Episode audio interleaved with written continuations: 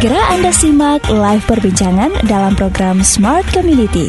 Interaktif WhatsApp dan SMS 0811 46 10 11. Selain untuk memperbaiki ekonomi, vaksin percepat oleh pemerintah bahkan setiap daerah tuh ditarget ya satu juta vaksin untuk pastinya salah satunya adalah bisa mengembalikan lagi pendidikan biar kembali normal lagi smart listener. Biar anak-anak yang selama ini belajarnya online gitu ya bisa langsung kembali ke lagi. Makanya untuk vaksin bagi anak-anak tuh digencarkan nih sekarang smart listener. Nah, ngomongin soal pendidikan juga nih smart listener untuk menyehatkan kembali pendidikan di Indonesia apalagi di tengah pandemi Covid-19 ini memang butuh banyak uh, apa ya uluran tangan bukan hanya satu pihak aja yang berperan tapi semua pihak terkhusus juga anak-anak muda nih nah malam hari ini Rifa Majid akan ngajakin Anda ngobrol di Smart Community barengan sama anak-anak muda keren yang mereka tuh peduli sama pendidikan bahkan pendidikan sampai ke pelosok-pelosok negeri gitu. Wow, keren banget kan? Langsung aja deh kita sapa malam hari ini tamu saya di Smart Community adalah teman-teman dari Bangku Pelosok. Selamat malam. Assalamualaikum. Selamat malam. Waalaikumsalam. Gimana kabarnya teman-teman? Alhamdulillah baik. Alhamdulillah, Alhamdulillah baik. Sehat-sehat. Sehat ya luar iya, biasa. Bener kan ya komunitas Bangku Pelosok? Iya, Kak. Iya, betul. Oke. Okay. Nah, barengan sama komunitas Bangku Pelosok nih kita akan ngobrol soal uh, gimana sih masa depan pendidikan Indonesia khususnya ke, di pelosok-pelosok ya, bahkan di tengah pandemi ini. Agak-agak berat sih ya kalau dari topiknya. Iya, iya. Tapi kita akan ngobrolnya santai aja. Sebelum Siap. itu biar kita lebih santai, lebih chill ya. Kita kenalan dulu dong ya pastinya sama tamu saya malam hari ini smart listener. Teman-teman dari bangku pelosok boleh dari yang paling dekat sama saya dulu. Uh, teman-teman mungkin bisa panggil saya Sofi. Oh, iya, Sofi. Akrabnya dipanggil Sofi. Oke, bukan Sofia Lacuba ya. Iya.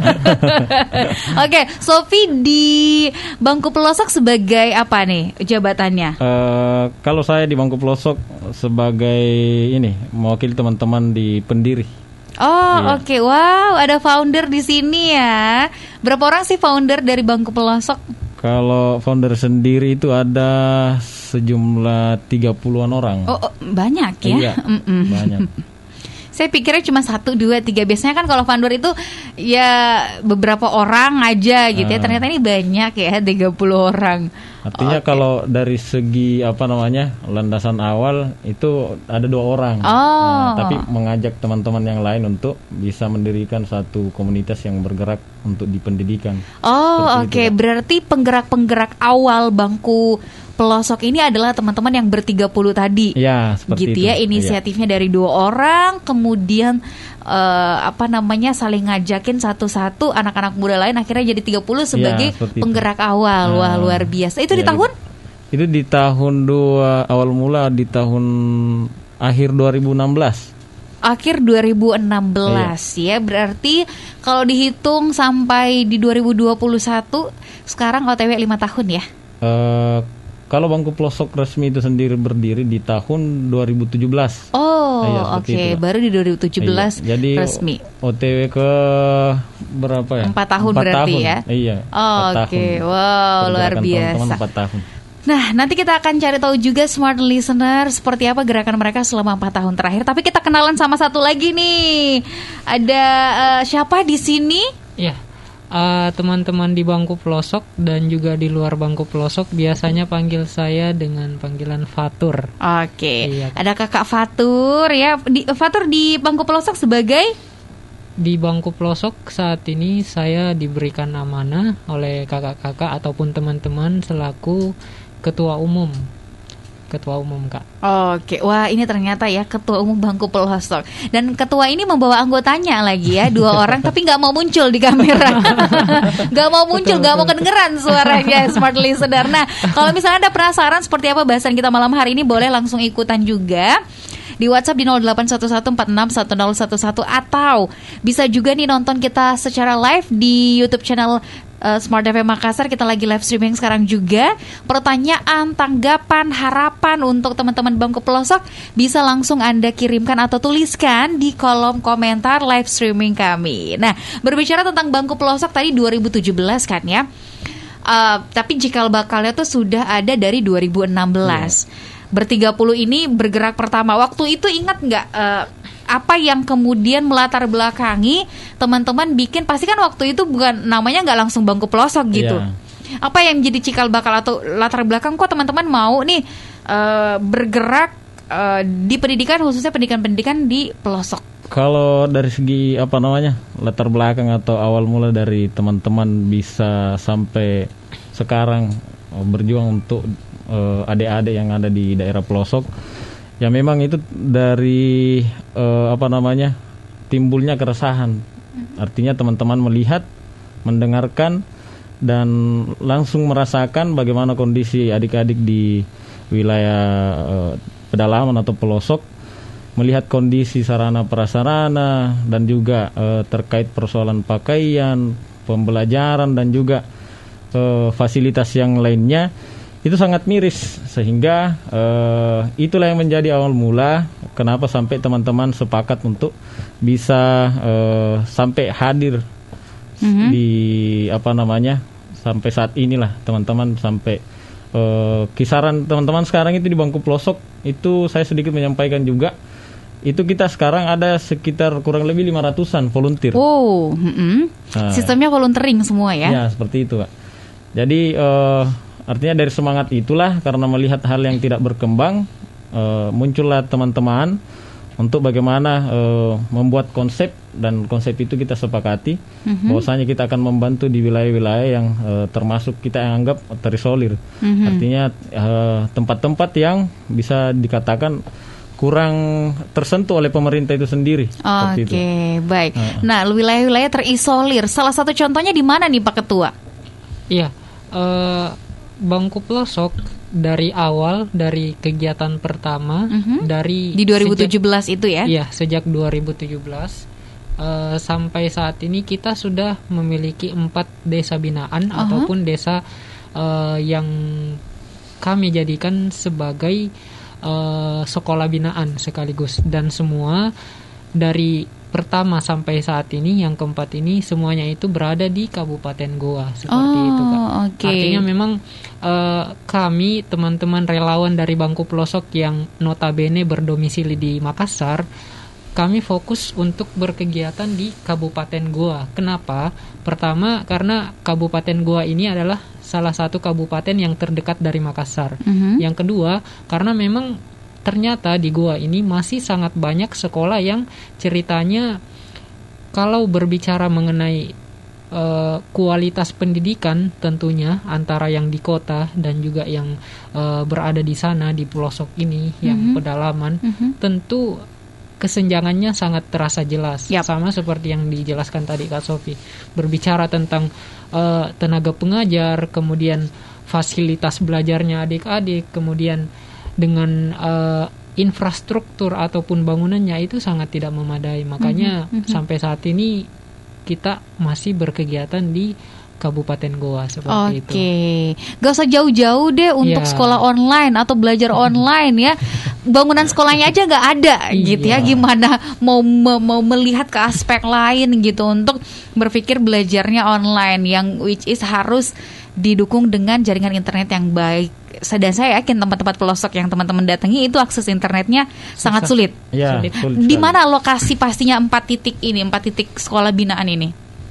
Kalau yang pertama itu di sebelum menjadi bangku pelosok. Mhm. Jadi sebelum menjadi bangku pelosok ada pra sebelum bangku pelosok. Namanya waktu itu apa? Eh, kemarin sempat itu namanya kami kami mengajar kami belajar Aha. seperti itu Nah, KMKB. Nah, dari situ cikal bakal eh, KMKB itu carilah kita nama yang pas untuk bagaimana teman-teman eh, bisa terus eh, berjalan bersama Mhm. seperti itu. Kemudian Nah, kalau eh, untuk lokasi pertama sebelum ini yang pernah sebelum Bangku Pelosok itu di eh, perbatasan Sinjai Barat dengan Kabupaten Goa. Oh. Ya, tapi dia masih masuk ke Berarti Tombolopao. atas-atasnya Malido sana ya? Iya, Hmm. gitu, Pak. Pokoknya di daerah Tombolopao ini dia eh, semua lokasi yang ada di daerah Tombolopao itu pokoknya dia daerah eh, agak sulit terjangkau kendaraan Mhm. seperti itu kak.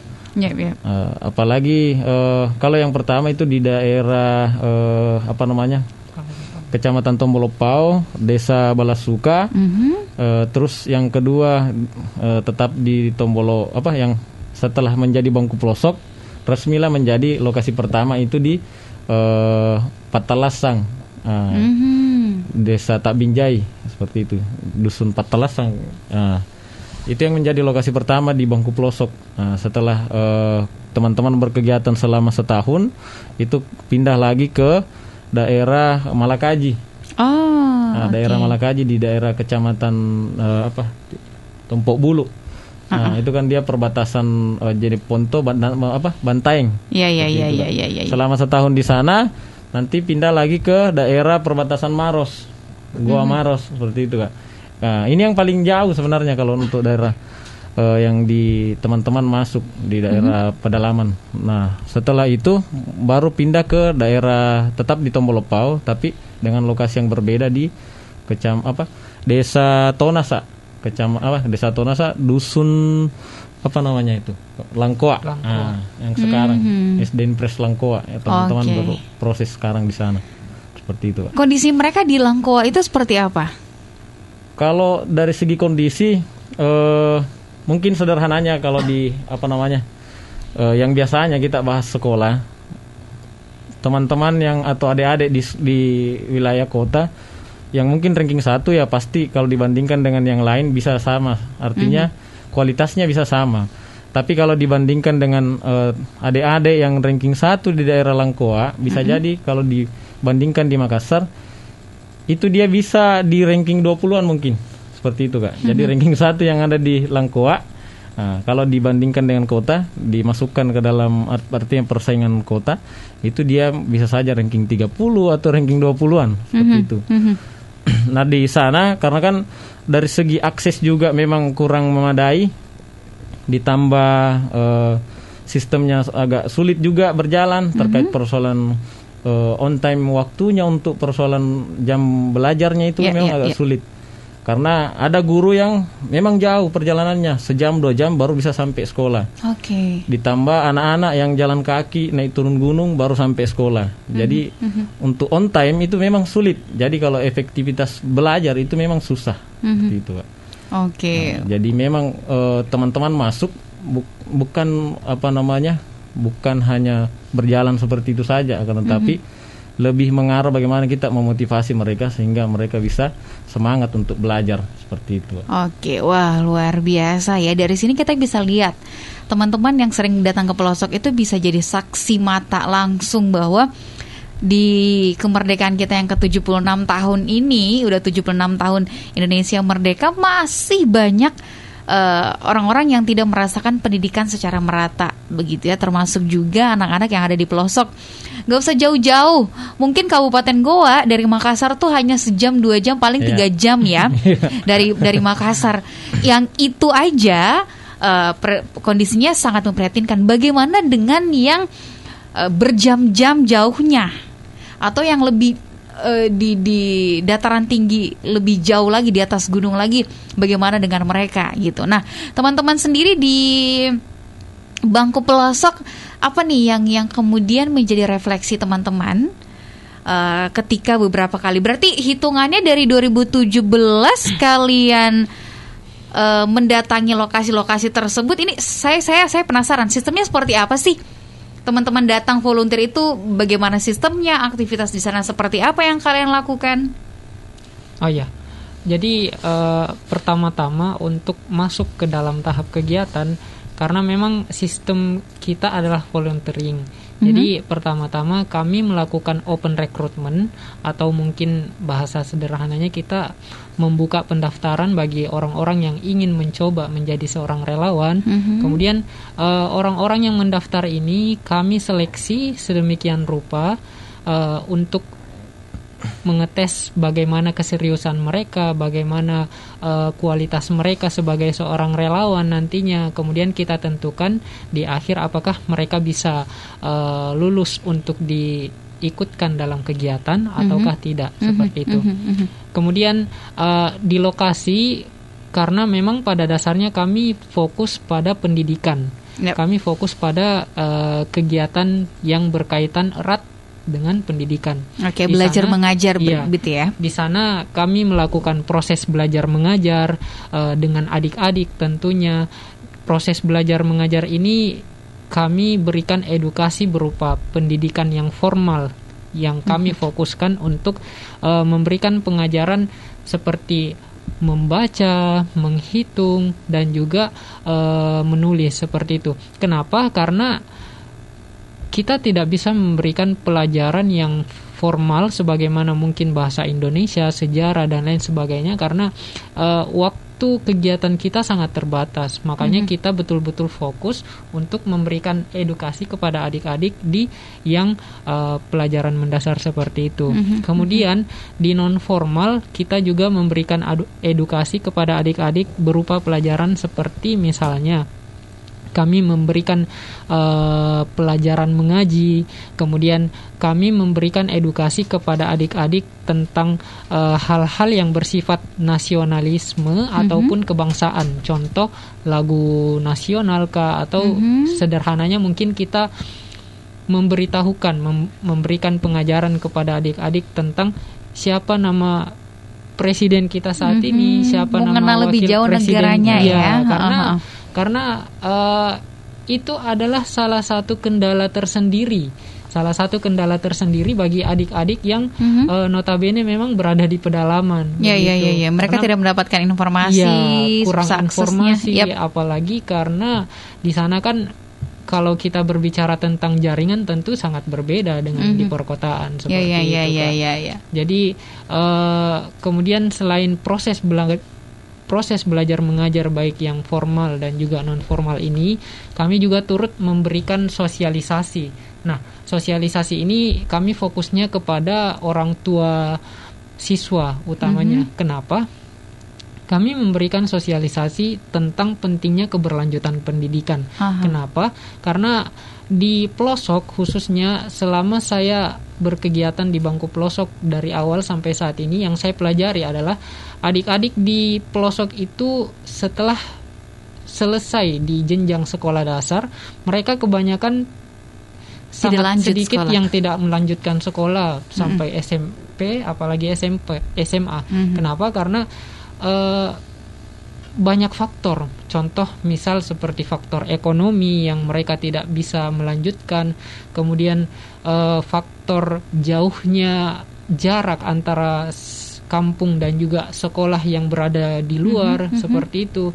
Dan juga terakhir saya sempat eh, berdiskusi dengan salah satu teman yang berada di pelosok salah satunya Eh, katanya salah satu faktor yang menjadi penyebab kenapa banyaknya adik-adik itu tidak melanjutkan pendidikan itu karena eh, fasilitas umumnya juga sangat menjadikan Ah. mereka kesulitan. Contoh mungkin jalan seperti mhm, itu, mhm, karena kan kebanyakan perjala kebanyakan jalanan di pelosok itu walaupun dekat sebenarnya tapi menjadi sulit dan terasa jauh karena jalanannya Akses jalanannya akses rusak. jalanannya yang rusak Oke oke. Mm-mm. Eh, Di titik-titik lokasi yang kalian datengin itu, oke lah k- kayak tadi sudah dijelaskan bahwa banyak yang tidak terpaksa tidak melanjutkan sekolah begitu. Iya. Tapi ada nggak sih sekolah lanjutan, sekolah menengah pertama atau SMA bahkan di titik-titik eh, lokasi yang kalian datangi atau hanya SD aja yang ada di sana? Iya, alhamdulillah eh, dari sekolah pertama sampai sekolah saat ini yang keempat di Lengkoa, alhamdulillah sebenarnya ada. Cuman kembali lagi yang saya sebutkan tadi bahwasanya salah satu faktor yang menjadi eh, penyebab mereka sangat kesulitan untuk melanjutkan pendidikan, walaupun sebenarnya bisa. eh, jika kita berbicara faktor ekonomi sebenarnya masih bisa, cuman karena aksesnya itu Ya ya ya. ya. aksesnya yang betul-betul jalanannya sangat rusak yang menjadikan mereka kesulitan untuk keluar masuk. Mhm. Ya, Belum ya. lagi ditambah dengan eh, orang tua yang berada di pedalaman ataupun pelosok itu berbeda sangat berbeda dengan orang tua yang ada di perkotaan. Oke, kalau di perkotaan orang kita, orang tua kita walaupun sibuk tentu paling kita bisa jalan sendiri naik Mhm. motor ataupun jalan kaki. Tapi kalau di pelosok eh, orang tua kebanyakan pagi-pagi buta itu sudah harus ke kebun ataupun Sawah. ke sawah seperti itu. Sementara kita adik-adik kalau misal mau keluar dengan kondisi jalanan yang Mhm. eh, serusak itu, separah itu akan kesulitan. Iya iya iya iya iya. Selain karena tidak adanya infrastruktur pendukung, Iya. juga kurangnya dukungan dari orang tua. Iya. Mungkin karena satu juga ya eh, pemahamannya masih kurang tentang bagaimana pentingnya pendidikan itu Iya. sendiri ya. Oke, nah nanti kita akan lanjutkan lagi perbincangan ini Smart Listener ada banyak pernya- eh, pertanyaan yang masuk di YouTube channel Smart FM Makassar nanti akan kita jawab satu-satu ya. Mereka banyak yang eh, apa ya? Amazed dengan gerakan teman-teman di bangku pelosok. Kita akan lanjut setelah yang satu ini. We take the time to listen to you. Smart FM.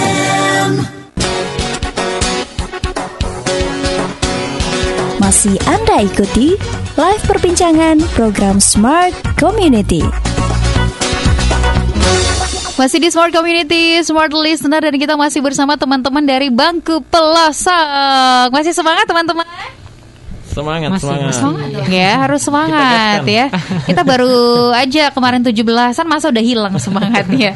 Oke. Nah, eh, sebelum kita lanjut eh, ngobrol-ngobrol tentang Bangku Pelosok, kita mau sapa dulu teman-teman yang sudah bergabung ada Smart Listener yang nonton kita di live streaming YouTube channel Smart FM Makassar. Kita sapa ada Detar, selamat malam. Ada pertanyaannya juga nanti kita bacakan ada Edward Immanuel, ada Nesti May dan juga ada Ali. Kita baca dulu pertanyaan dari Ali. Bagaimana masyarakat setempat menyikapi kehadiran teman-teman relawan? Adakah penolakan dari masyarakat setempat gitu? Tapi kalian kalau berangkatnya itu berarti setiap bulan ya? Iya. Sekitar Per- tiga bulan lah. Se apa per 55 hari. Iya. Oh gitu. Iya. Tinggal di sana berapa lama? Eh, kadang seminggu. Oke, seminggu tinggal di sana. Iya. Nah, ketika misalnya kalian datang ke satu desa begitu ya, kan sebelumnya tidak kenal ya sama Iya. masyarakat setempat. Ketika kalian datang, ujung-ujung buat kegiatan gitu, respon masyarakat seperti apa sih? Ada yang nolak nggak? Apalagi melihat anaknya diajak untuk eh, belajar sama kalian. Kalau apa namanya eh dari segi penolakan ya Mhm. biasanya itu kadang apa namanya lebih eh tidak terasa sih artinya ada yang menolak atau tidak Mhm. karena kebanyakan itu eh, semua masyarakat betul-betul support teman-teman gitu karena kan eh, sebelum melakukan kegiatan itu kita melakukan survei beberapa kali Oh, Nah, seperti itu kak. Terkait izin dari kabupaten, Mhm. terkait izin dari desa, menurun ke apa namanya eh, dusun dan lain-lain, dan juga sosialisasi ke masyarakat terkait eh, apa yang datang ini dan apa yang akan dilaksanakan Mhm, seperti itu. Apalagi objek utamanya adalah eh, anak-anak sekolah, anak-anak SD yang ada di daerah pelosok seperti itu kak. Eh, apa namanya dari teman-teman bangku pelosok itu sendiri Eh, jadi kita di bangku pelosok itu ada empat landasan, ada empat asas. Salah satu asas itu eh, asas pendidikan, terus eh, sosial, eh, terus ketiga kekeluargaan dan empat infrastruktur seperti itu. Nah empat konsep inilah yang kami bawa ke daerah-daerah pelosok seperti itu kak. Nah salah satunya itu eh, kenapa bangku pelosok sampai saat ini kita rasa semua masyarakat masih menerima karena kita memang membawa konsep kekeluargaan seperti Oke. itu. Jadi kita masuk ke dalam satu daerah itu eh, kita tidak menjadi orang lain untuk mereka. Iya. Kita menjadi keluarga mereka, kita menjadi anak-anak mereka. Memang menyatu sama masyarakat gitu ya? Iya begitu kak. Nah, Karena kan kita tinggalnya juga di masyarakat. Kadang teman-teman itu, jadi sebelum pandemi ini eh, teman-teman biasanya itu ada sosialisasi masuk ke seluruh rumah-rumah warga Oh, Oke. seperti itu. Karena kami bang, di bangku pelosok kadang eh, paling sedikit itu kita 80-an orang ke dalam ah, nih, apa dalam satu lokasi. Oke. Seperti itu kak. Jadi terbagi nih di di di rumah-rumah warga Ya, gitu ya? seperti itu kak. Jadi eh, sebelum kita masuk itu memang kita membawa konsep dari hasil survei kemarin. Bahwasanya begini masyarakat seperti ini cara. Oh, eh, jadi tahu apa kita. kebutuhannya masyarakat, Ah, siap. itulah yang kalian bawa Ya, seperti itu, Kak. Gitu ya. Nah, Oke. dari situ kita masuk bahwasanya kita akan mengajar, kita akan membawa bantuan dan lain-lain sesuai dengan kebutuhan dan juga apa yang kita dapatkan untuk adik-adik seperti itu. Jadi kita tidak pernah menjanjikan. Kita cuma eh, apa namanya? eh, merencanakan apa yang eh, akan kita lakukan. Sisanya nanti biar masyarakat akan melihat seperti itu. Oke. Jadi memang betul-betul cuma dalam kondisi pandemi seperti ini memang agak sulit. Jadi sosialisasinya kadang kita ketika ketemu di kebun, ketika ketemu berpapasan di jalan pada saat kegiatan, jadi kita tidak masuk ke dalam rumah warga lagi. Oh Seperti iya. itu, Kak. Karena kan kondisi pandemi juga kita juga menjaga. Berarti waktu selama pandemi kemarin 2020 sampai 2021 ini kalau ke sana kalian nginepnya di mana? Tetap di rumah warga Tetap juga? di rumah warga dan memang rumah itu kosong. Oh, oke. Kak. Kadang kita cari posko yang eh, kondisinya itu memang eh, tidak ada ini penghuninya. Oh, Oke. gitu kak dan juga eh, apa namanya di bangku pelosok juga dalam kondisi pandemi seperti ini kenapa kami tetap berjalan itu kita sterilisasi semua. Jadi sebelum eh, apa namanya sebelum masuk kita penyemprotan sebelum apa namanya Swab itu- juga? ya kalau swab itu belum semua tapi beberapa sudah eh, tetap melaksanakan terkait sebelum kegiatan tetap ada teman-teman yang melakukan rapid test dan lain-lain seperti itu. Karena kan eh, teman-teman juga artinya ada rasa ketakutan apalagi pandemi hari ini Iya, jangan sampai kita yang dari biasa. kota bawa penyakit Ya, ke desa itu, gitu Kak. kan. Oke. Nah, ada komentar dari Nesi Mei, keren kakak-kakak. Semoga lancar untuk segalanya, semoga akses pendidikan sampai ke pelosok-pelosok juga bisa lancar sehingga kehidupan semakin lebih baik ke depannya. Amin ya. Amin. Terus em, pertanyaan dari Edward Immanuel, relawan di komunitas Bangku Pelosok ini eh, masih sekolah atau udah pada kuliah semua atau ada dari kalangan lain? Iya.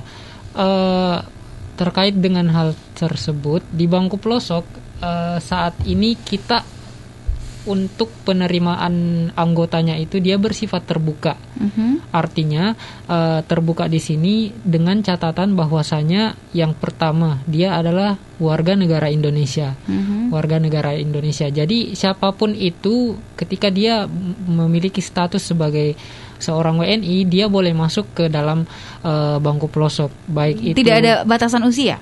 Iya, tidak ada batasan usia. Itu yang pertama. Mhm. Yang pertama, eh, artinya baik itu dia seorang mahasiswa, kemudian seorang ibu rumah tangga ataupun seorang eh, pekerja, dia bisa. Itu pada dasarnya. Tetapi di tahun 2021 ini kami memiliki semacam kebijakan terbaru. Kami milik, kami memiliki kebijakan terbaru untuk tidak menerima teman-teman yang masih berstatus sebagai eh, pelajar, Oke. utamanya SMA mungkin. Karena karena kenapa? Eh, khawatirnya ketika mereka masih ceritanya masih perlu untuk fokus belajar, kemudian masuk dalam dunia kerelawanan yang di mana mereka jadinya tentu semakin sibuk, sampai-sampai yang kami khawatirkan mereka tidak bisa fokus dengan Ya, ya. pelajarannya begitu. Jadi dia bebas, siapa pun boleh masuk. Eh, baik itu orang Makassar, orang Jawa dan lain sebagainya, baik itu mahasiswa Mhm. boleh, tapi dengan catatan dia sudah selesai masa studi SMA-nya Oke. seperti itu. Berarti eh, kalau udah lulus SMA baru boleh ikutan ya. Iya, baru boleh. Dan setelah itu tidak dibatasi usianya sampai Iya. berapapun gitu ya. Mau itu karyawan, mau itu pengusaha, semuanya boleh ikutan ya. Tapi mostly yang sekarang bergabung adalah teman-teman mahasiswa ya. Eh, kebanyakan mahasiswa Mostly ya. cuma kalau untuk eh, apa namanya ibu rumah tangga ada Oh, ada juga. Eh, iya artinya eh, apa namanya bahkan dia suami istri ikut Oh, oke. Anaknya dibawa juga. kadang anaknya di bawah juga Wah, bagus dong tuh ya. iya. jadi kalau di bangku pelosok itu sendiri memang eh, semua kalangan boleh masuk Mhm. tapi sesuai yang dijelaskan tadi terkait persoalan jangan sampai ada eh, menambah kesibukan bagi orang-orang yang eh, termasuk pelajar seperti itu. Oh, tidak terbatas akan tetapi eh, apa namanya kita mencoba untuk memberikan juga eh, supaya teman-teman bisa bergerak lebih bebas seperti itu kak. Ber- apa baik. untuk eksplor dan lain-lain Mhm. seperti itu. Oke, nah pertanyaan selanjutnya. Dari Datar sejauh ini apa tantangan kalian nih dalam menjalankan misi pendidikan di pelosok gitu? Boleh ceritakan pengalamannya dan tantangannya selama ini yang kalian hadapi ketika ingin eh, menyambangi sekolah-sekolah binaan. kalau dari segi tantangan apa namanya ini yang seru sebenarnya Mhm. Kenapa saya bilang seru? Memang karena eh, begitu banyak tantangan untuk menjadi seorang relawan, apalagi di daerah-daerah yang termasuk untuk jangkauannya memang agak sulit seperti itu. Salah satu lokasi yang agak sulit itu itu di perbatasan eh, Kabupaten Maros. 15 menit lagi sudah Kabupaten Maros. Seperti itu, Kak. Jarak tempuhnya teman-teman jalan kaki itu sekitar 5 jam. Jadi teman-teman itu di relawan di, di lokasi lokasinya namanya ini apa Patuku. Mhm. Nah, dia di daerah apa namanya? Dia masuk ke Parigi. eh, iya Parigi. Eh masuk masih kecamatan Tinggi Moncong juga. Tapi dia daerah yang memang area mengarah ke timur dekat eh, dengan eh, Kabupaten Maros. Kalau dari segi tantangan memang eh naik turun gunung dan ketemu sungai, nyebrang sungai dan lain-lain, ketemu lumpur yang sampai orang tenggelam itu ketemu kita dengan hal-hal seperti itu. Iya, iya. Cuma eh, dari itu tantangan dari segi perjalanan. Nah, itu bukan tantangan yang sebenarnya sih untuk teman-teman di bangku pelosok. Karena tantangan yang paling eh, sulit bagi kami bukan persoalan eh, jarak tempuh, bukan persoalan ada apa namanya kita melewati hutan, gunung dan sungai, bukan persoalan itu. Nah, tantangan yang sebenarnya bangku pelosok sampai hari ini tetap hadir itu terkait persoalan bagaimana mengubah mindset teman-teman atau adik-adik dan juga masyarakat terkait pentingnya pendidikan. Iya, itu yang iya. menjadi tantangan yang betul-betul kita sampai sekarang masih tetap mempelajari bagaimana sih sampai eh, mereka Gimana bisa metodenya gitu Iya, ya? seperti itu kak. Biar masyarakat jadi terubah pola pikirnya, biar bisa sadar pendidikan gitu ya. Nah, jadi eh, kita tidak jauh-jauh untuk membawa eh, contoh untuk bagaimana memecahkan eh, tantangan tersebut. Kita lebih mengarah ke diri apa diri teman-teman itu sendiri. Artinya ke kembali ke teman-teman bangku pelosok itu sendiri. Bahwasanya betapa pentingnya pendidikan itu maka apa namanya kita menyampaikan ke orang tua semua kalangan yang ada di atau masyarakat yang ada di pelosok tersebut kita menyampaikan bahwasanya kami ini orang-orang yang masih berpendidikan masih masa proses belajar juga karena pentingnya pendidikan kita sampai bisa hadir di daerah kampungnya yang bisa dikatakan terisolir betul Iya, dari iya. segi Oke. eh, jalur Mhm. nah, itu tantangan yang eh, terkait persoalan mindset dan lain-lain Mhm. kalau yang dari segi eh, keseruan itu sendiri, itu kalau daerah beberapa daerah memang ada yang belum masuk listrik, ada yang betul-betul di daerah eh, masih banyak hewan-hewan liar. Itu tentang yang seru untuk Iya, iya, teman-teman iya, itu iya. sendiri Oh, sebenarnya. Ada nggak sih pengalaman-pengalaman lain yang mungkin ada yang keserduk eh, atau ketemu ular atau apa gitu ya? Nanti kita akan kulik di sesi selanjutnya ya. Dan seperti apa juga? Apakah mereka udah dapetin support dari pemerintah atau seperti apa sih? Nah, kita akan bahas di sesi selanjutnya. Jangan ke mana-mana. They call it news, knowledge, business information. Wisdom, inspiration.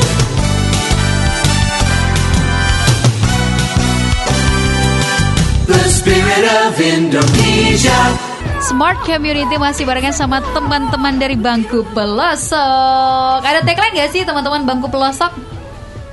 Ada tagline atau yel-yel apa Di gitu? bangku pelosok kita punya satu tagline, salah satunya yaitu bergerak dan terus berjuang. Bergerak dan terus Iya, berjuang. Bergerak Wow. dan terus berjuang ini salah satunya adalah kita memang fokus untuk memperjuangkan salah satu sila pada Pancasila yaitu sila kelima yang berbunyi untuk eh, keadilan sosial bagi seluruh rakyat Indonesia seperti Oke, itu. yang di, diperjuangkan ya. Iya.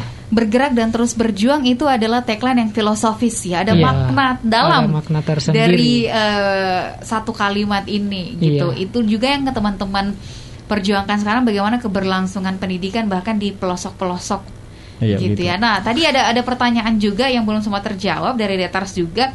infrastrukturnya sejauh ini seperti apa sih? Adakah eh, support langsung dari pemerintah yang kalian dapatkan atau bahkan pernah kalian sampaikan nih kebutuhan masyarakat di daerah ini seperti ini disampaikan langsung ke pemerintah daerahnya? Pernah nggak sih ada yang seperti itu? Kalau eh apa? Karena bangku pelosok eh, apa namanya? ada latar belakangnya sampai apa namanya? kita adakan yang namanya divisi atau asas infrastruktur itu karena memang awal mula kita ketemu dengan satu lokasi itu eh, infrastrukturnya memang agak bisa dikatakan sangat-sangat tidak layak. Ya. Nah, jadi apa namanya eh, dari situlah teman-teman sampai eh, mengadakan apa namanya bantuan infrastruktur itu sendiri sesuai dengan apa namanya dana yang kita bawa. Makanya kita eh, apa yang bisa kita rubah terkait persoalan in- infrastruktur itu kita akan rubah terkait itu apa? persoalan warna. Apa namanya? Kalau di sana kemarin itu kebetulan sengnya itu terbang semua. Oh, Nah, jadi tidak ada tidak ada apa namanya? Tidak ada listrik, tidak ada masih masih pakai apa namanya? Dia pakai kapur tulis. Dan juga eh, dari segi infrastruktur bagian dalam itu itu sudah ditumbuhi rum- rumputan. oh oke berarti kalian memperbaiki atap Iya, sekolah Iya, ya? Gitu. Jadi teman-teman hadir, kebetulan kita eh, apa namanya? survei dan membawa hasil dokumentasi itu ke Mhm. wilayah kota. Kita open donasi. Kebetulan alhamdulillah pada saat itu banyak yang ingin membantu wilayah sekolah tersebut. Mhm. Seperti itu, Kak. Jadi Dan itu sekarang eh, kondisi sekolahnya seperti apa? Apakah sudah digunakan kembali? eh, sudah digunakan kembali Mhm. seperti itu, Kak. Jadi kalau terkait persoalan pemerintah itu sendiri juga, ini sebenarnya agak apa namanya? Ini yang hangat sebenarnya kita bahas Mhm. terkait persoalan kaitan pemerintah itu sendiri.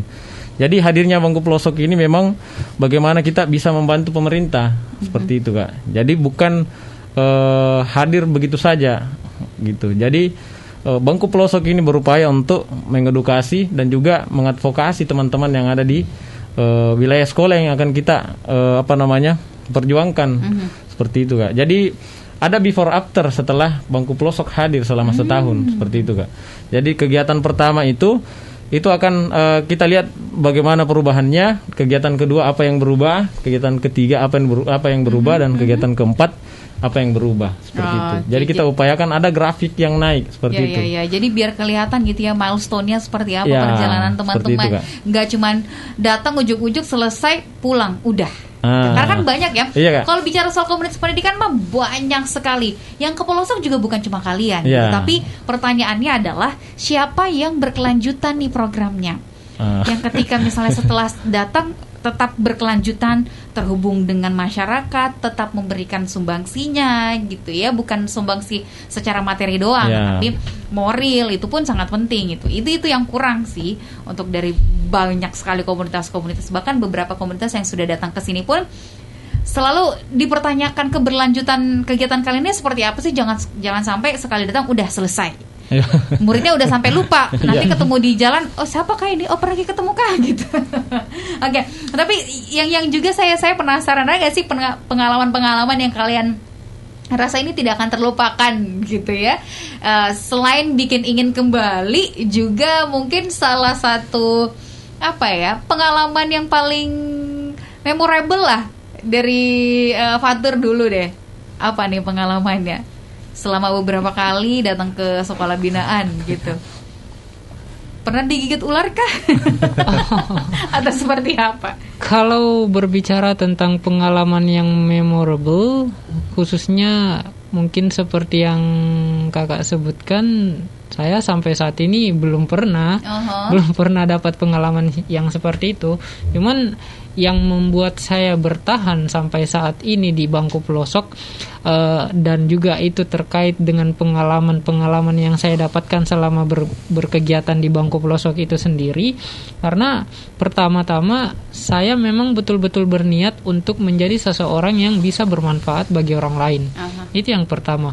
Kemudian ternyata selama berkegiatan eh, di bangku pelosok ini, maksud saya teman-teman di bangku pelosok ini adalah orang-orang yang memang karena kita memiliki salah satu landasan ataupun asas yaitu kekeluargaan, jadi kita saling terbuka satu sama lain. Itu. Jadi eh, di lingkungan kita, di lingkungan bangku pelosok kita saling terbuka sehingga terjadi kedekatan emosional dan juga kita saling eh, menyayangi, menghormati satu sama lain seperti itu. Kemudian ditambah lagi berbicara tentang kegiatan di lokasi, orang-orang yang berada di lokasi kegiatan itu eh, mungkin saya juga sekaligus menambah tadi yang menjadikan salah satu eh, yang dijadikan sebagai salah satu pertanyaan tentang apakah pernah kami menerima penolakan di lokasi itu sama sekali tidak, sama sekali tidak. Kalaupun ada itu hanya bentuk itu hanya sebuah bentuk kekhawatiran dari eh, masyarakat lokal, utamanya karena kaitan dengan pandemi corona saat ini.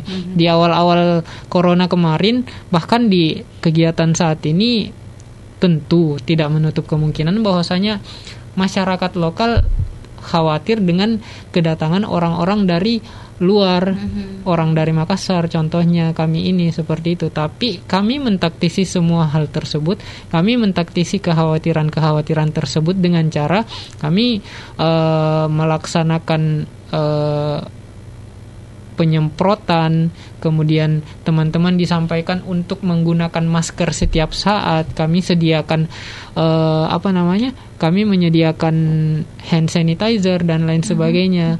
Sehingga dengan hal-hal tersebut masyarakat bisa menjadi lebih nyaman dan juga mendukung kegiatannya kita seperti Oh, itu. Baik. Nah, eh, ini kan kita juga ngebahas tentang bagaimana keberlanjutan gitu ya. Ada yang mengatakan kalau misalnya em, saya juga percaya sih ketika kita melakukan suatu gerakan gitu ya kalau tidak ada regenerasi ini tidak akan berkelanjutan. Iya. Nah, nah dari kalian sendiri setelah ini apalagi ini kita baru-baru memperingati 76 tahun Indonesia merdeka ya. Apa kira-kira yang menjadi hope kalian, harapan kalian eh, secara pribadi dan baku pelosok gitu biar dan apa yang harus kita lakukan nih ke depan bukan hanya sebagai anak muda tapi juga sebagai masyarakat Indonesia yang paham akan pendidikan. Apa yang harus kita lakukan biar pendidikan di pelosok-pelosok itu tetap berlangsung gitu tidak berhenti hanya karena tidak punya fasilitas hanya karena nggak ada guru mungkin atau hanya karena tidak ada dukungan. Apa nih? Eh, kalau saya itu sendiri terkait persoalan keberlanjutan di bangku pelosok dan itu yang dari dulu kita lakukan itu kita apa namanya eh, selain ada orang-orang tua apa namanya eh, adik-adik sekolah dasar yang ada di sana itu juga ada apa namanya golongan-golongan pemudanya juga seperti itu. oke itu yang kalian rangkul juga Nah, jadi kita masuk, itu kita rangkul pemudanya.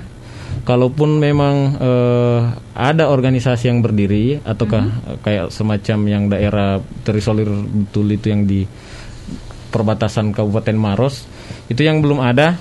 Jadi ini salah satu contoh keberlanjutan yang bagaimana ke depan itu tetap ada eh, langkah-langkah atau tidak berhenti begitu saja setelah bangku pelosok keluar dari lokasi itu. Salah satunya ya di daerah Patuku itu. Jadi kita buatkan mereka satu apa namanya eh, organisasi untuk mereka, Ah, organisasi oke. kepemudaan seperti itu. Nah dari situ dari teman-teman bangku pelosok itu sendiri mendidik dan membina lagi teman-teman atau pemuda-pemuda yang eh, di daerah. Oke, eh, jadi regenerasinya ke pemuda Ya, situ ya, istilahnya akamsi anak Ya. kampung sini yang di yang dibina. jadi regenerasi kalian mereka lah yang akan uh, melanjutkan seperti pendidikan uh, mem- membi- membina ya. ya. Bisa dikatakan masyarakat di kampung mereka sendiri gitu ya. Karena anggapannya kami di bangku pelosok itu Mhm. Salah satu bentuk keberhasilan bangku pelosok setelah berkegiatan adalah mereka mampu berdiri sendiri. Ya, ya. Mereka mampu untuk merangkul adik-adik mereka sendiri. Bagaimana orang tua mereka juga sudah support Mhm. anaknya untuk tetap bersekolah. Untuk bagaimana pemahaman itu bisa merubah eh, dari sosial, ekonomi dan politik Ya, juga ya, seperti ya. itu. Oke, Gitu, baik. Kak. Jadi nah, itu yang dilaksanakan. Oke, ini keren nih. Jadi itu yang harus kita junjung terus ya, keberlanjutan, keberlangsungan itu yang harus kita dukung terus. Nah, khususnya daerah-daerah pelosok. Terakhir nih buat Fatur, eh, apa tiga kata untuk pendidikan Indonesia, khususnya pendidikan di pelosok? Tiga kata dari kamu deh sebelum kita say goodbye. Kata. Ayo. apa nih tiga, tiga kata? kata untuk pendidikan di eh pel-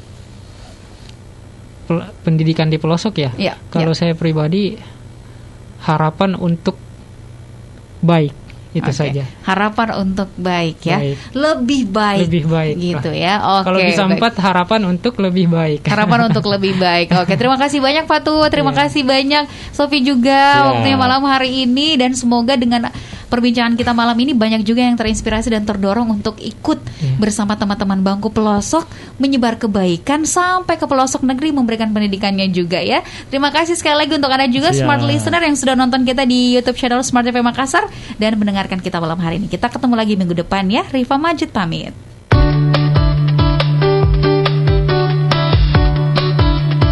Telah Anda simak live perbincangan Smart Community. Sampai jumpa.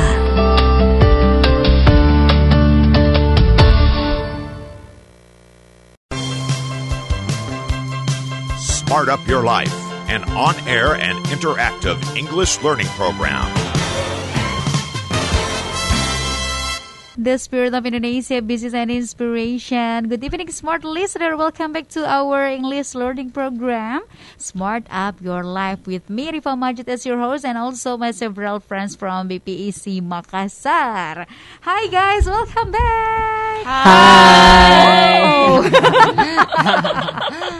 it's a, a loud, uh, how to say, um, hi, yeah? Hi. okay, you are looking so excited to have a discussion for tonight. Is this um, Independence Day effect? Yes. Yes, the vibe is still here, For the listener. We feel it, and yeah, uh, tonight we also got a We are going to have a discussion and a, conver- a conversation about the Independence Day, of course. But before that, I want to introduce my friends from BPC Makassar who are already here with me. Please welcome. The first one is Ade. Hello, smart listener. Uh, I'm Adelia Nabila, and I want to say Happy Independence Day. Yay. Yay. Merdeka. so, uh, the next one is Mr. Uh, hello, smart listener. Uh, I'm Aswin Asranto, but you can call me Aswin. Okay. Beside Aswin, we have our Mr. President of BPC. Okay, hello smart listener. Okay, so actually my full name is Farlaksan Saputra, but almost people call me Achang. Thank you. Okay. Achang. And the last one is uh, who looks like um, our flag. Our Flag, yeah? Me too. Me Icon. too. I use red and white for tonight. And yeah, Mrs. Dewi. Hi, hi, I'm Dewi. Please enjoy our one hour night uh, English session Yeah. with Smart FM. Okay, thank you. Yes, we hope you enjoy our conversation, and we hope you can. Uh, we hope you join our conversation to smart listener, because we, we are going to have a great discussion for tonight.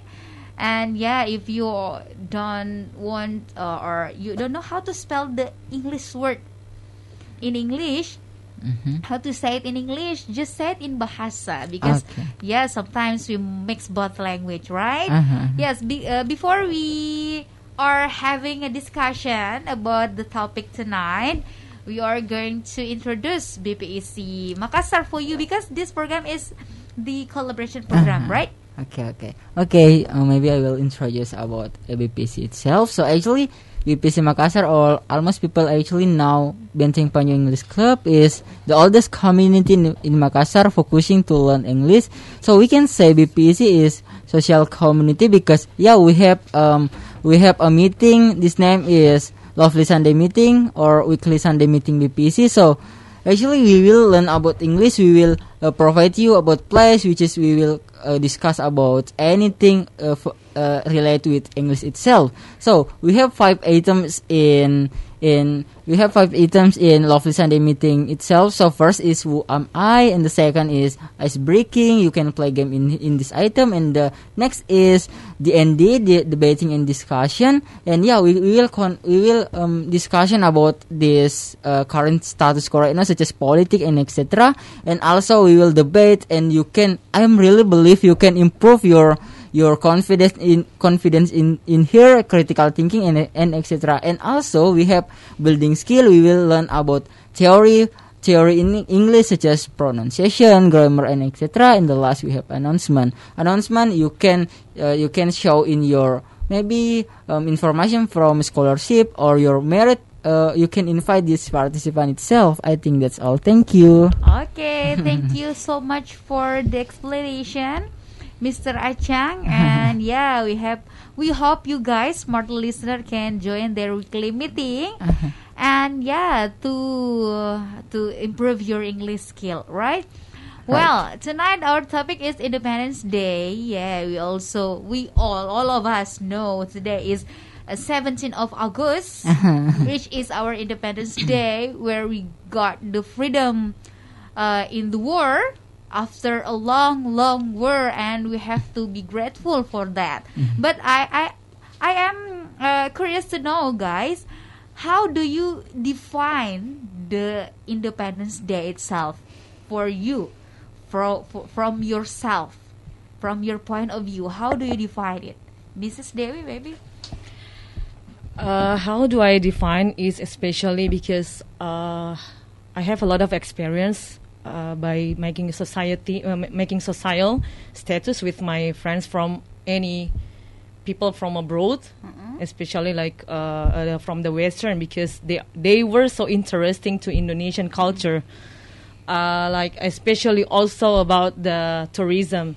And I'm so pr- I'm so proud of being Indonesian because the way I explain them without, I mean, I make it uh, too harsh to to them that I I'm so I'm so lucky that I was born uh, in Indonesia, and that's why some of my friends from abroad send me email today and saying uh, happy Independence Day for Indonesia without I you. telling them. Yeah. Yeah, yeah. And yeah, that's why I, I think even though Indonesia maybe still far far away from uh, developing country like uh, from other country, yeah. Uh, I mean, we still we still find the best way to compete with uh, the great country, another country, but still I I'm still proud because uh, some of my friends the the moment that my friends send me by email and saying congrats for Independence Day, it means that Indonesia is is a big uh, things that, uh, that no one can under, underestimate it. Yeah, yeah, yeah. That's it. One of the uh, the big country, Yeah. the big population The big- big nation, population. and yeah, the one who will not, uh, who the people, the people cannot uh, underestimate. Yeah. It's one of how to say negara yang diperhitungkan. Yeah, Yeah. it's a okay because we are a rich country, right, smart listener? And before we continue the conversation, before we know how our how my friends how are my friends defines the define the Independence Day, we're gonna take a break for a while, so don't go anywhere. We take the time to listen to you. Smart FM. Smart Up Your Life.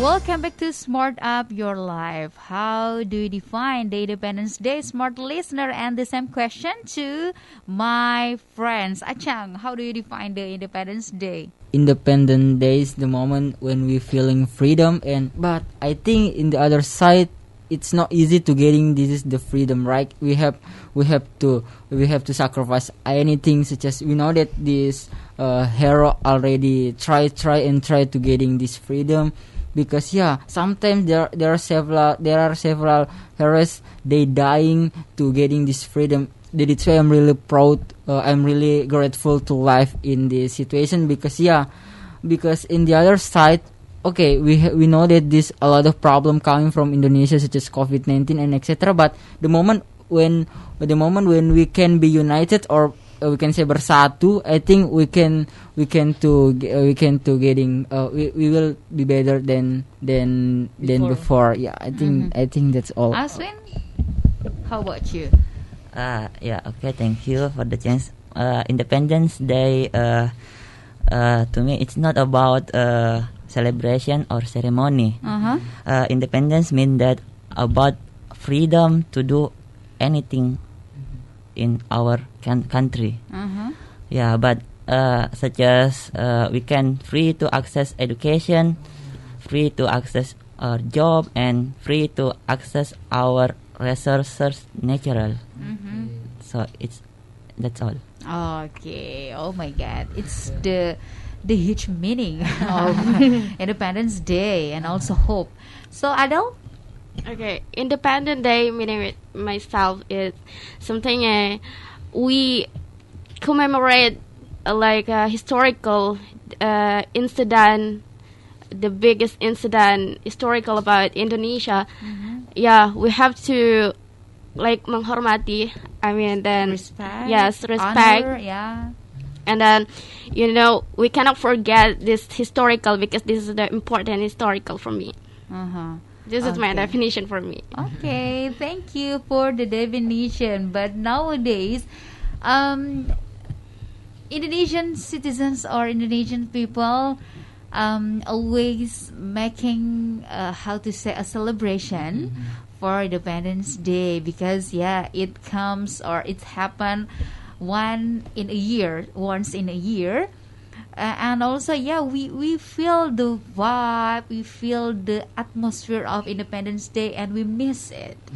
But nowadays uh, for these two years yeah two years lately we we we feel i don't know how how do you feel guys? Is it looks like um not a rushing celebration but such a little bit quiet celebration right for these two years because of the pandemic. Nah so what do you miss the most uh, from the independence day celebration uh, from the years years before before these two years? Adel? Okay, I really miss something when I uh this is two years I never get in yeah in the last years uh, like uh competition. Competition always uh it's really important because we have fun. And then if yeah you know the pandemic uh, lost everything. Like we lost uh, fun. So uh, i'm so sadness because um, we, we cannot feel fun because competition still online. Uh-huh. i think online is you know really uh, excited for me. yeah. And then uh, see uh, the ceremony independent day uh, 17 August ceremony we cannot stay in in the area langsung uh, di tempatnya and uh, Uh-huh. and then we just yeah we just see in Zoom.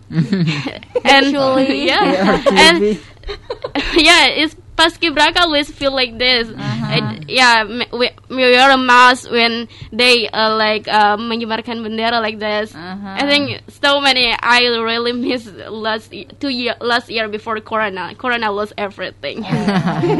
Yeah. okay Aswin what's the experience that you miss the most?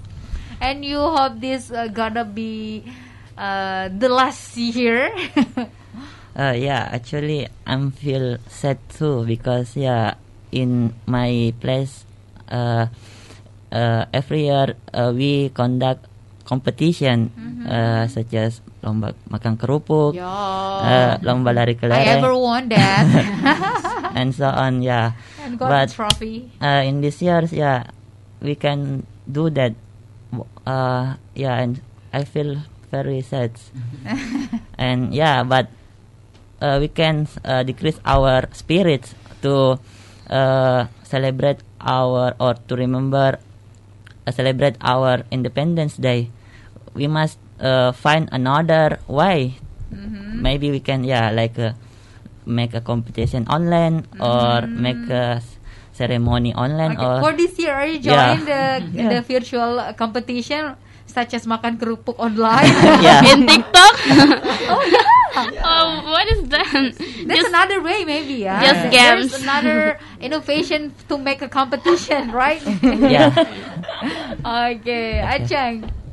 Okay, so yeah, I'm really, I'm really, um, yeah, uh, uh, this is really bad for the several people because we cannot create uh, several events such as yeah, uh, uh, uh, run sex, eat crackers, ro, ro, makan kerupuk dan or something like that.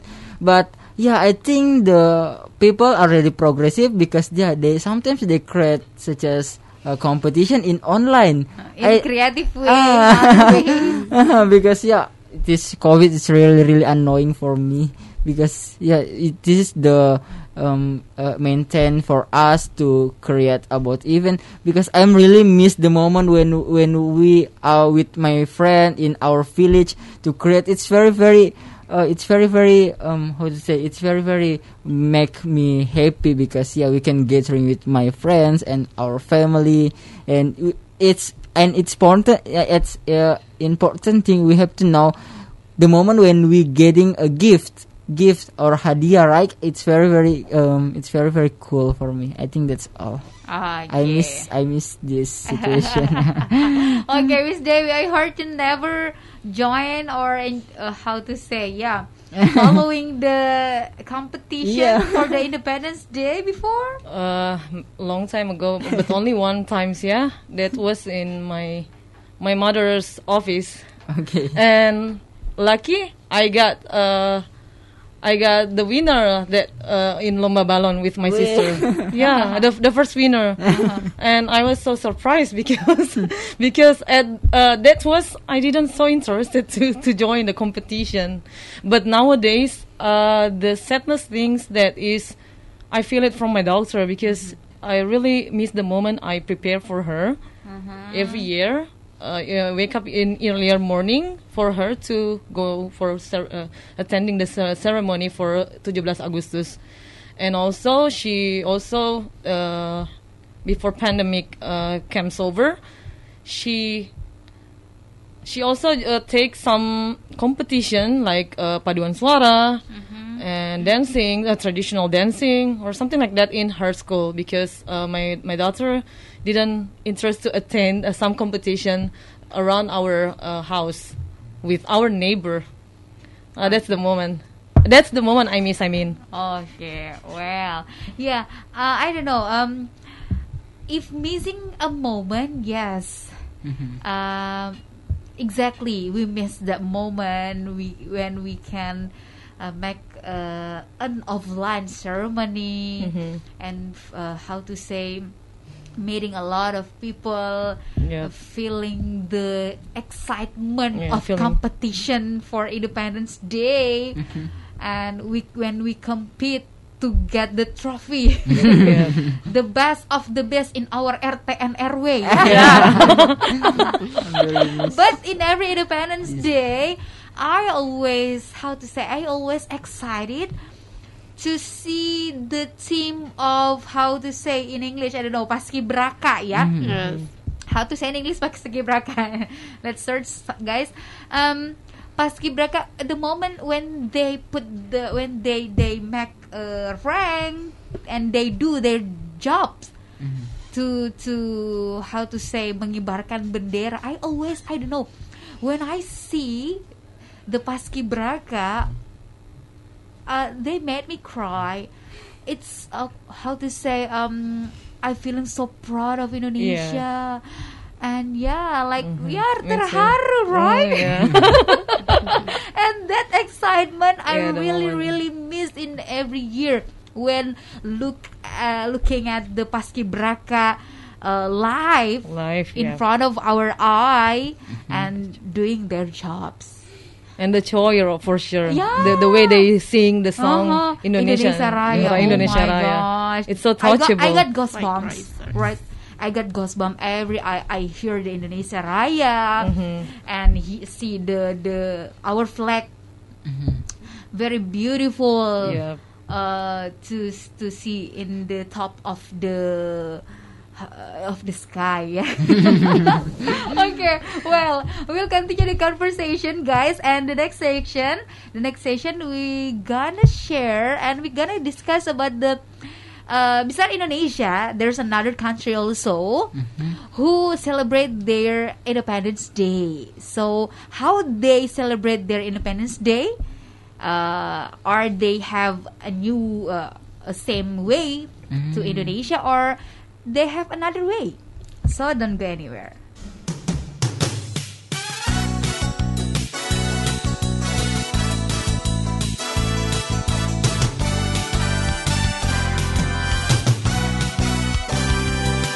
The spirit of Indonesia. Smart up your life Welcome back to Smart Up Your Life, the Independence Day. That's our topic for tonight, smart listener. Before we are we are telling you how the, uh, the other countries celebrate their Independence Day. Uh, today's um, today's highlight from the Independence Day also of Indonesia is the how to say the performance from our Air Force team that giving a great and congratulation for our Independence Day live from the air. And they were they were our how to say fighter pesawat terbang. And they congratulate uh, the Indonesia our nation for this Independence Day. That's such a very very wonderful performance that's showing from our Air Force team.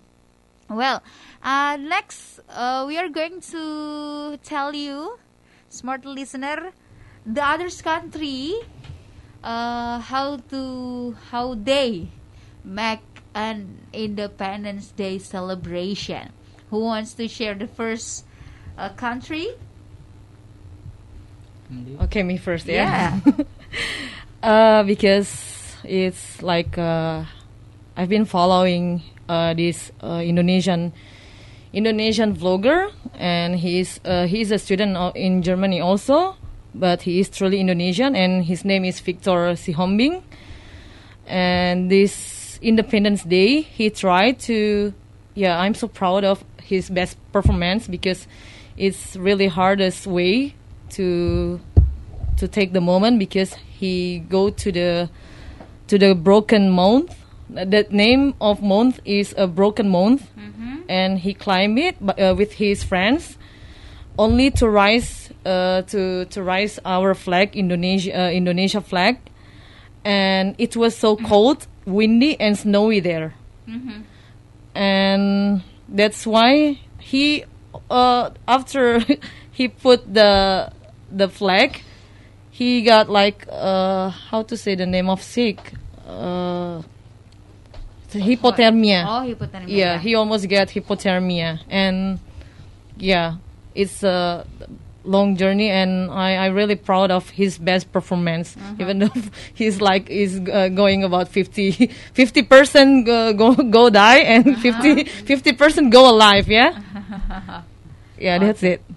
Next, Achang, from what which country?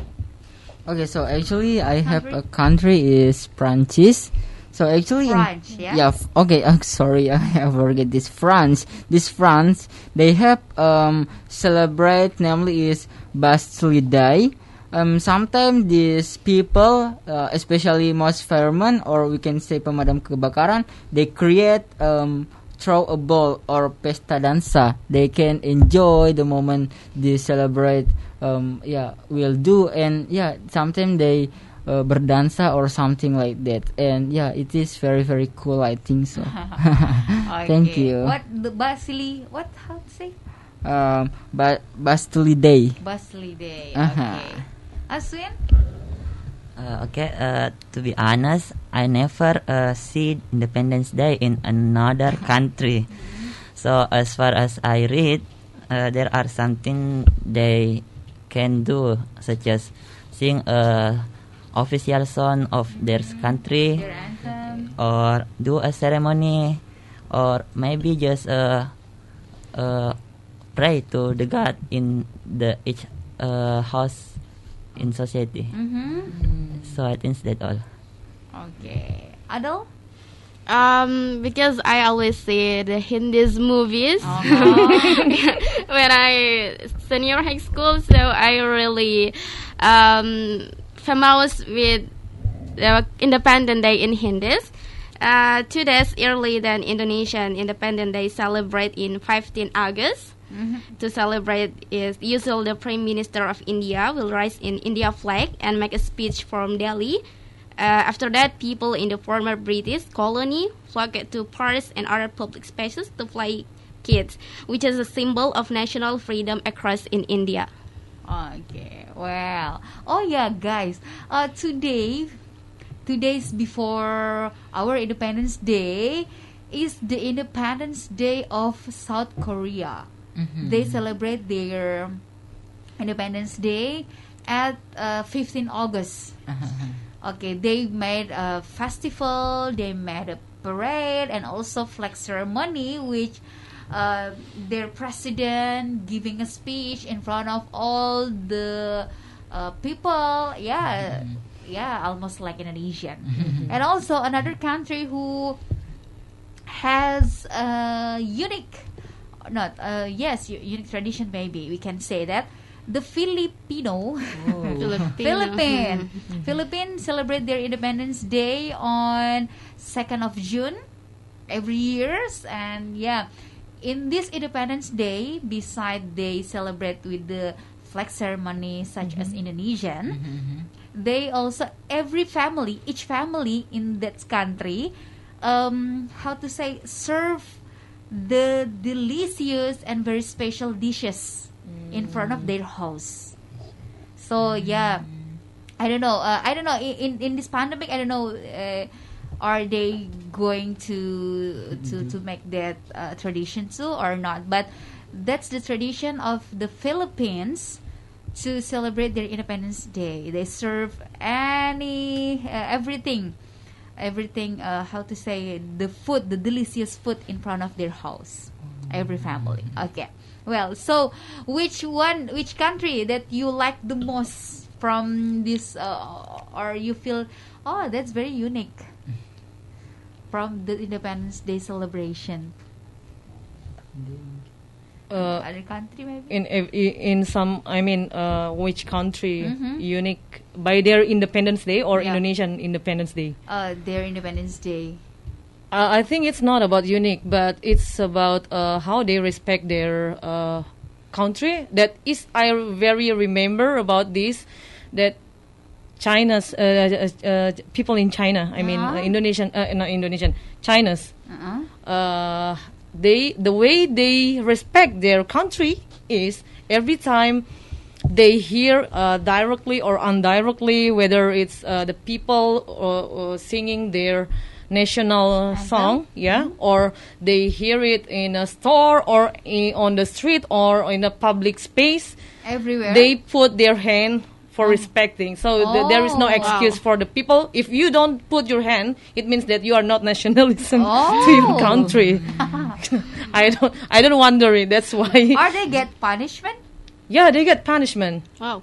yeah. In in a very uh, n- i don't know for for now but long time ago maybe now it's changing i don't know about that but i will i i used to watch on that on tv okay about Well, uh, well, China people, the, how they respect. Yeah, I think we Indonesia have to take the positive th- uh, Uh-huh, sides uh-huh, uh-huh. from that. Yeah, yeah, yeah, yeah. The people, all of the people. of- Yeah, you should- Yeah, the Chinese people, uh, Tiongkok people, have a high nationalism, right?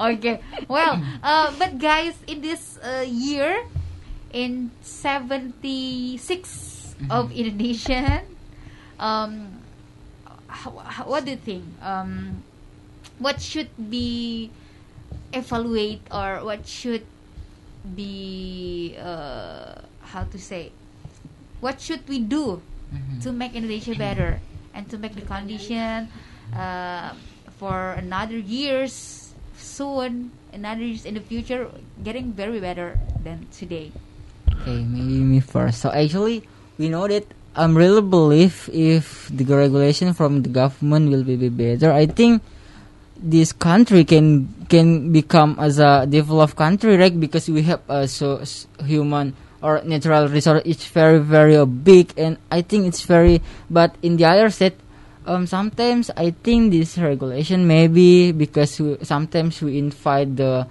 um, the the how to say uh, negara lain the other country to join in in our country to to getting a job but in the other side we, we know that there are a lot of people in this country they are jobless for example it is why I, I think that this is the regulation can be maybe changed to can giving um uh, opportunity for the several people and yeah, we know that the current situation right now there are, there are so many cases coming from this, such as coronavirus or corrupt, corruption and etc. I think it's very harm for the people because, yeah, the people really really need help from the government itself, but yeah, I think um, sometimes the corrupt already exists. That's why they can getting a help. But in the other side, some sometimes the people blame in the government. But I think okay let's see if you try and try you can getting uh what you uh, what you need such as because i think the go- several government uh it's it's as a, a good a good a good people right and yeah i think so because they already giving you such as such as scholarship and etc and i think you just you as a young people you have to getting or you have to try to getting this opportunity right and yeah i think mm, sometimes it is uh, sensitive uh, for the several Okay, thank well, you well. Thank you so much, Achang, for the answer. But we have to take a break for a while, for a minute. So we will continue our conversation after the break.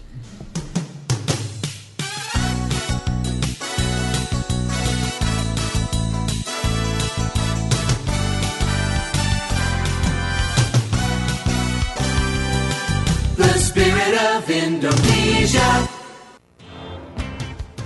Smart Up Your Life.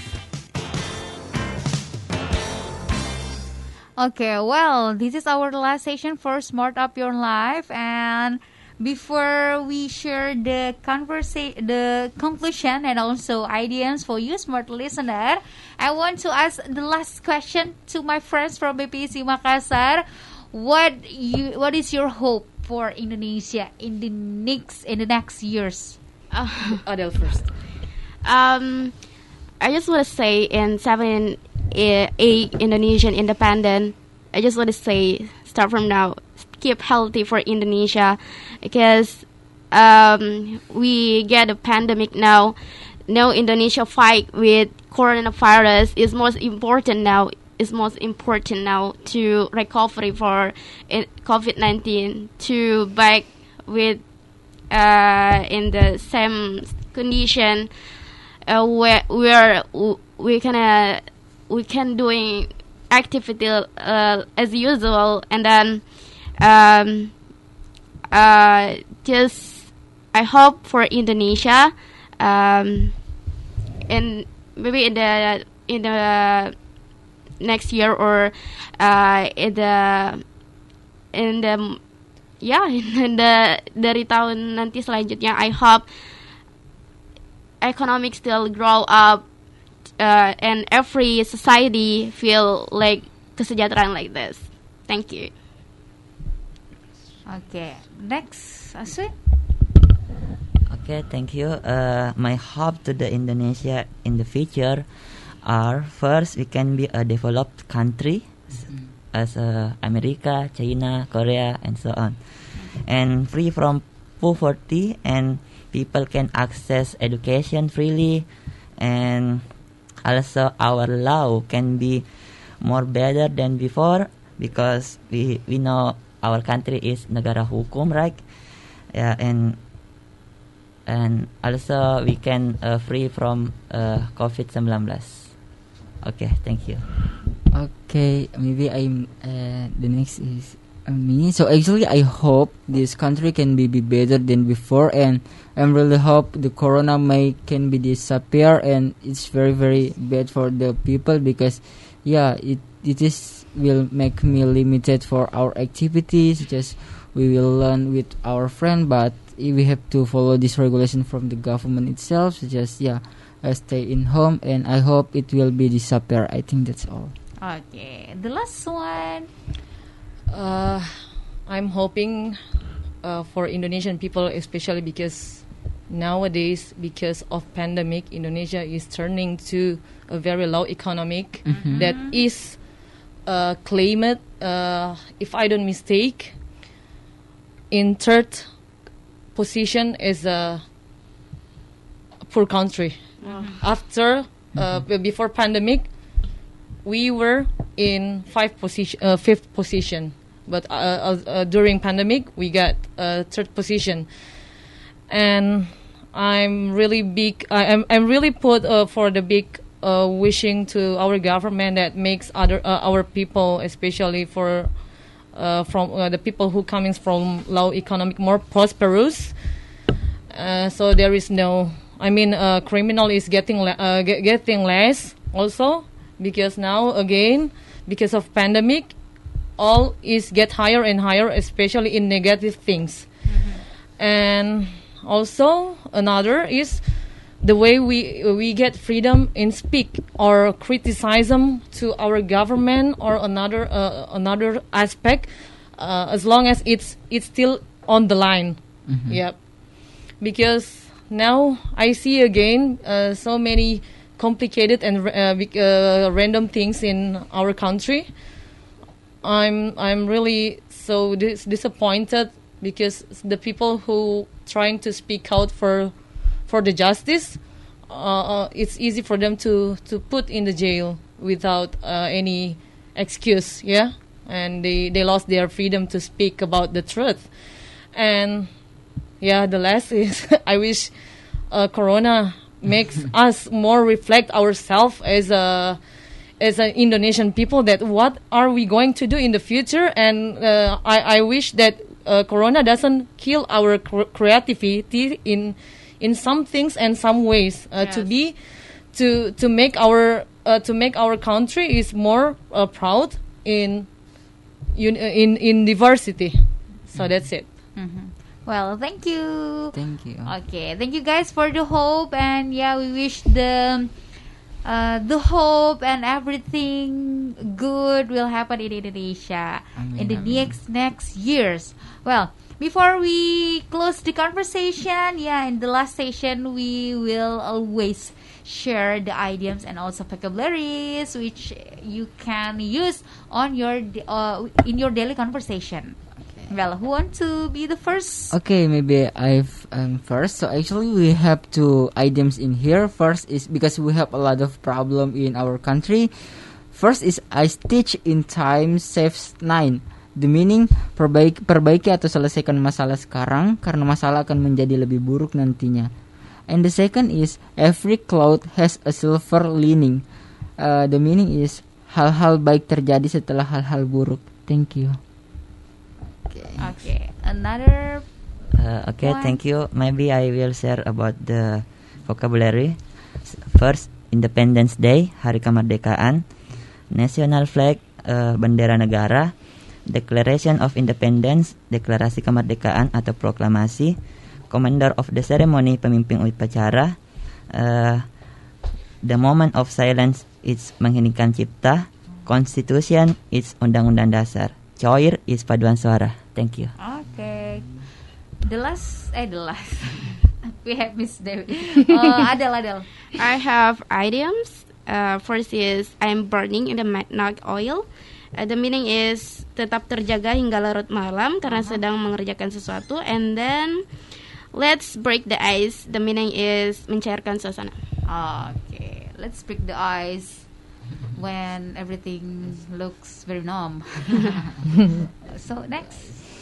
I will share about vocabulary that is a moment of silence, yaitu mengheningkan cipta. And then let's observe a moment of silence. Marilah kita mengheningkan cipta. And heroes, pahlawan. And justice, keadilan. Okay, That's well, it. Thank you so much, guys, for tonight, and we hope this conversation will be um, how to say you you get the point of the conversation and you get the new um, the new vocabularies, the new insight to upgrade your uh, English skill. Well. Thank you so much also for BPC Makassar. We'll see you again next week with another topic to uh, discuss. Yeah, I'm Rifa Majid signing out. Bye bye. Bye. That was Smart Up Your Life, an on air and interactive English learning program.